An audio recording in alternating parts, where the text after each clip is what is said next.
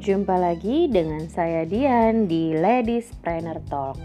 Jadi hari ini kita mau bahas nih, mau diskusi tentang ada yang tahu tentang apa?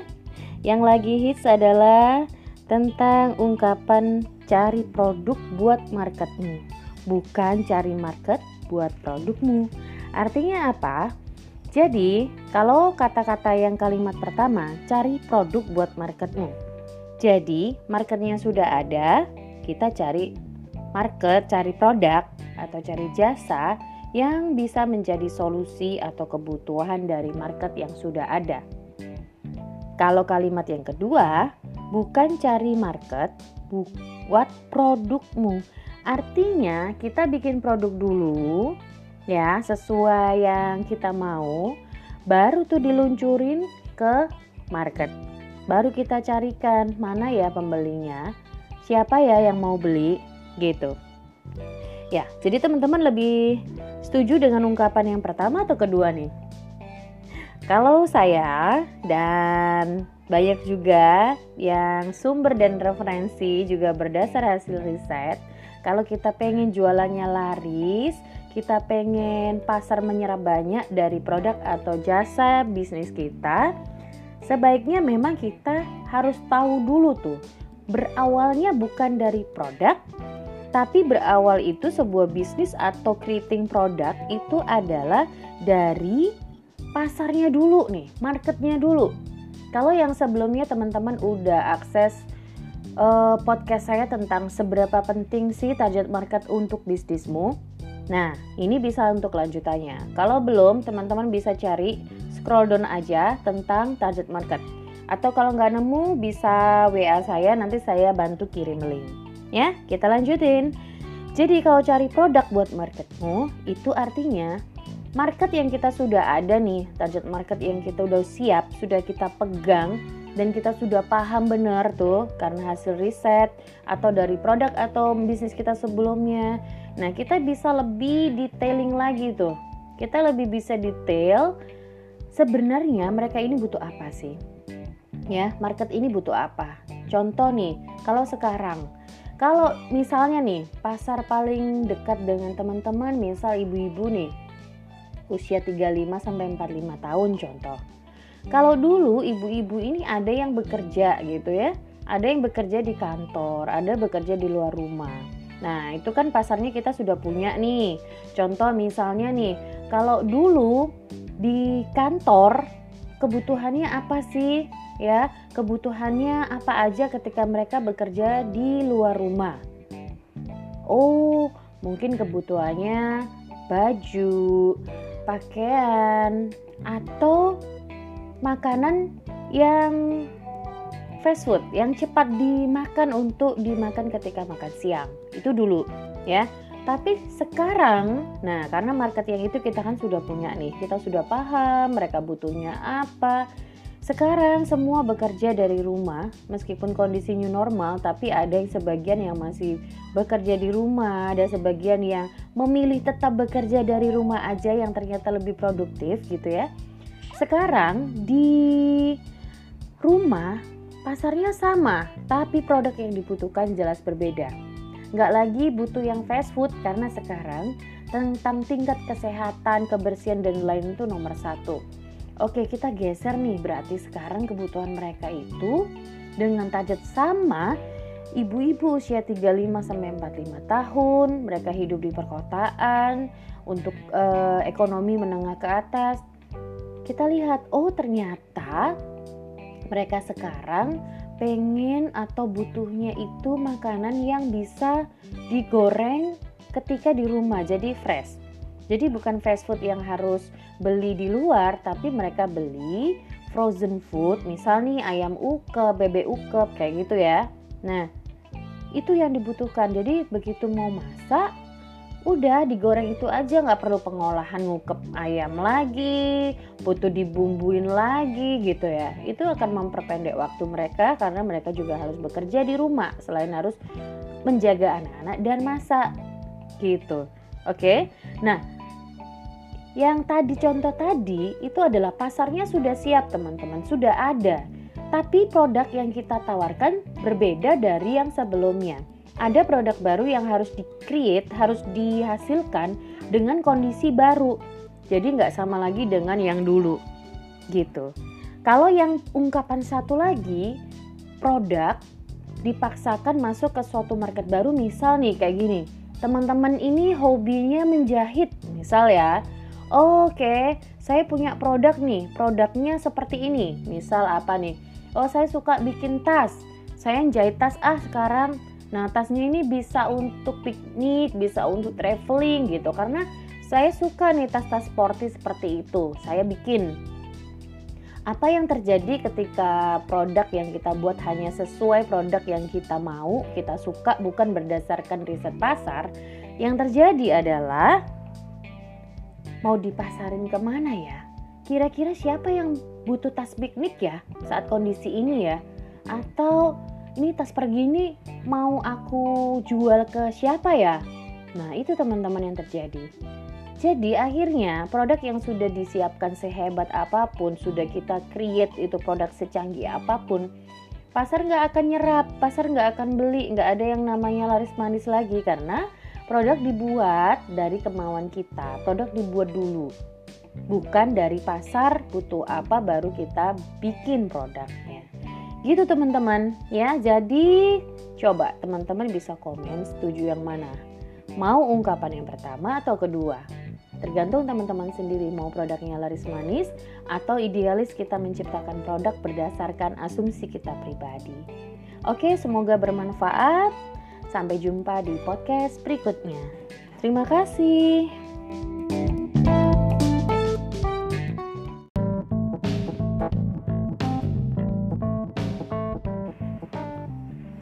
Halo, jumpa lagi dengan saya Dian di Ladies Planner Talk. Jadi hari ini kita mau diskusi tentang topik yang banyak ditanya selama ini dan banyak request ya. Jadi Hari ini kita mau ngobrolin tentang membangun tim. Ya, jadi tim itu sebenarnya kita bisa sebut untuk semua orang yang mendukung kita, baik keluarga, karyawan kita, tim reseller, mentor, itu adalah tim. Yang kali ini kita akan membahas dulu tim internal yang membantu operasional dari bisnis kita. Ya, next time kita mau bahas satu-satu baik tim pendukung cheerleader yang dari para krucil-krucil dan keluarga juga nanti hubungannya dengan mentor dan komunitas itu juga tim kita. Oke, kita mulai. Ya, jadi teman-teman, apa sih sebenarnya pentingnya membangun tim gitu ya? Dulu sama dengan teman-teman, dan sama dengan pertanyaan teman-teman kalau Mbak, kalau saya punya tim, saya punya karyawan, nanti gajinya dari mana? Mbak, kalau saya punya tim, nanti yang melakukan itu rasanya itu saya nggak puas gitu loh kalau mengerjakan yang mengerjakan tuh orang lain kayaknya nggak bisa sebagus yang aku bikin deh. Nggak bisa teliti kayak aku bikin. Nggak bisa seperfect yang aku bikin. Sering bertanya seperti itu kah? Saya sering menerima pertanyaan seperti itu. Dan itu pertanyaan itu jujur saya dulu merasakan juga. Kalau gaji orang dari mana ya? Padahal bisnis juga baru setahun dua tahun jalan waktu itu. Tapi ada mentor pribadi saya gitu pak suami yang kasih pandangan ke saya bahwa coba dulu deh. Kan kita nggak pernah ngerti kalau kita nggak coba. Akhirnya waktu itu saya rekrut part timer jadi beliaunya ini bekerja seminggu tiga kali kalau nggak salah ya kalau nggak salah ingat. Gak usah terlalu membayangkan terlalu rumit untuk merekrut orang, sistem udah jalan, tempat ada. Gak seperti saat ini kondisinya gitu loh. Satu dua tahun bisnis berjalan dan saya udah mulai kewalahan, udah bingung gimana caranya. Sementara di toko Zio Design waktu itu masih saya yang desain semuanya. Masih saya juga yang ngitung-ngitung, masih saya yang melakukan pembukuan masih saya juga yang ambil barang bahan semua dari supplier masih teringat juga dari ujung ke ujung membawa kertas gitu ya. Dan kemudian di tengah jalan waktu itu bawa motor ya dari ujung sidoarjo ke ujung surabaya. Dan tengah-tengah hujan dan itu motor sudah uh, di depan dan di belakang sudah full penuh bahan kertas gitu. Masih teringat juga gimana semuanya sudah ditali rafia gitu ya habis ambil bahan di tali di motor belakang dan ternyata bensinnya habis. Padahal itu sudah raket banget nalinya dan motor harus dibuka ketika harus isi bensin.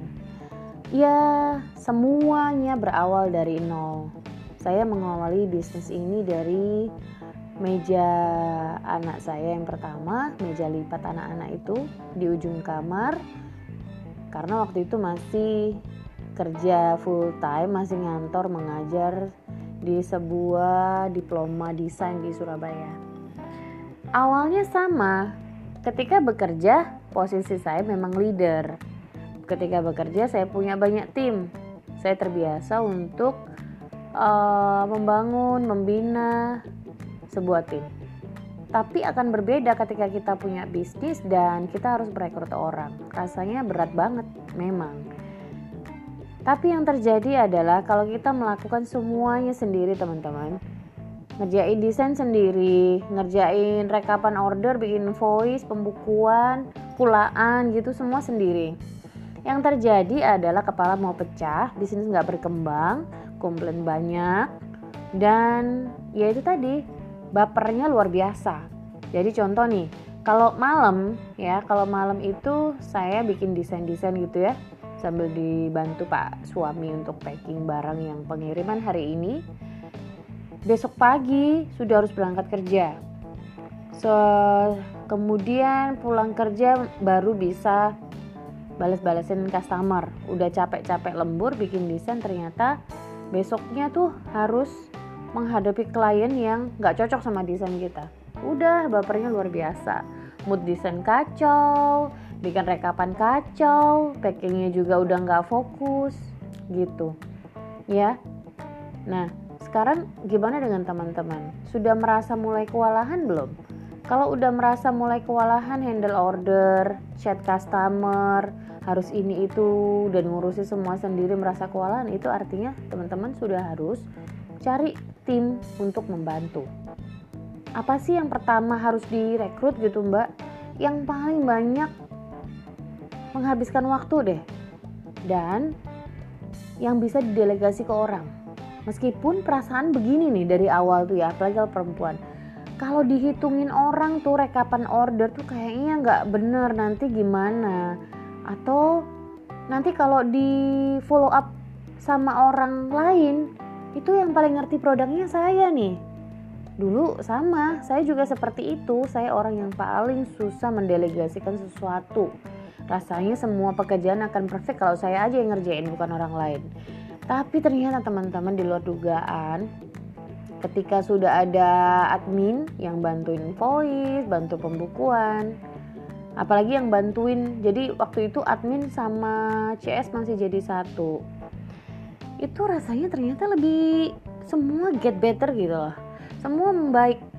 Jadi saya bisa fokus di desain karena waktu itu belum ada yang bantuin di tim desain ada yang bisa lebih cepat untuk membalas customer chat ya waktu itu masih pakai hmm, masih ingat sih 2008 tuh ada yang BBM kalau nggak salah malah pakai YM gitu loh waktu itu ya 2008 hampir 11 tahun yang lalu.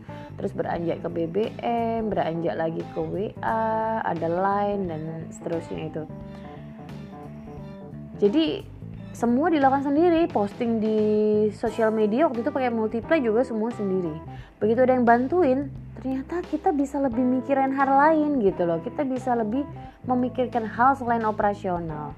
Kita bisa lebih mengembangkan banyak hal gitu bertahap kemudian uh, admin dan JS jalan. Saya udah kewalahan di desain. Yang masukin desain semakin catnya jalan terus kan jadi catnya lebih quick respon lebih ada yang handle di jam kerja. Desain masuk terus nih dan kita kewalahan. Saya udah nggak sanggup untuk ngerjain sendiri. Akhirnya didelegasi cari tim untuk desain. Jadi gitu prosesnya.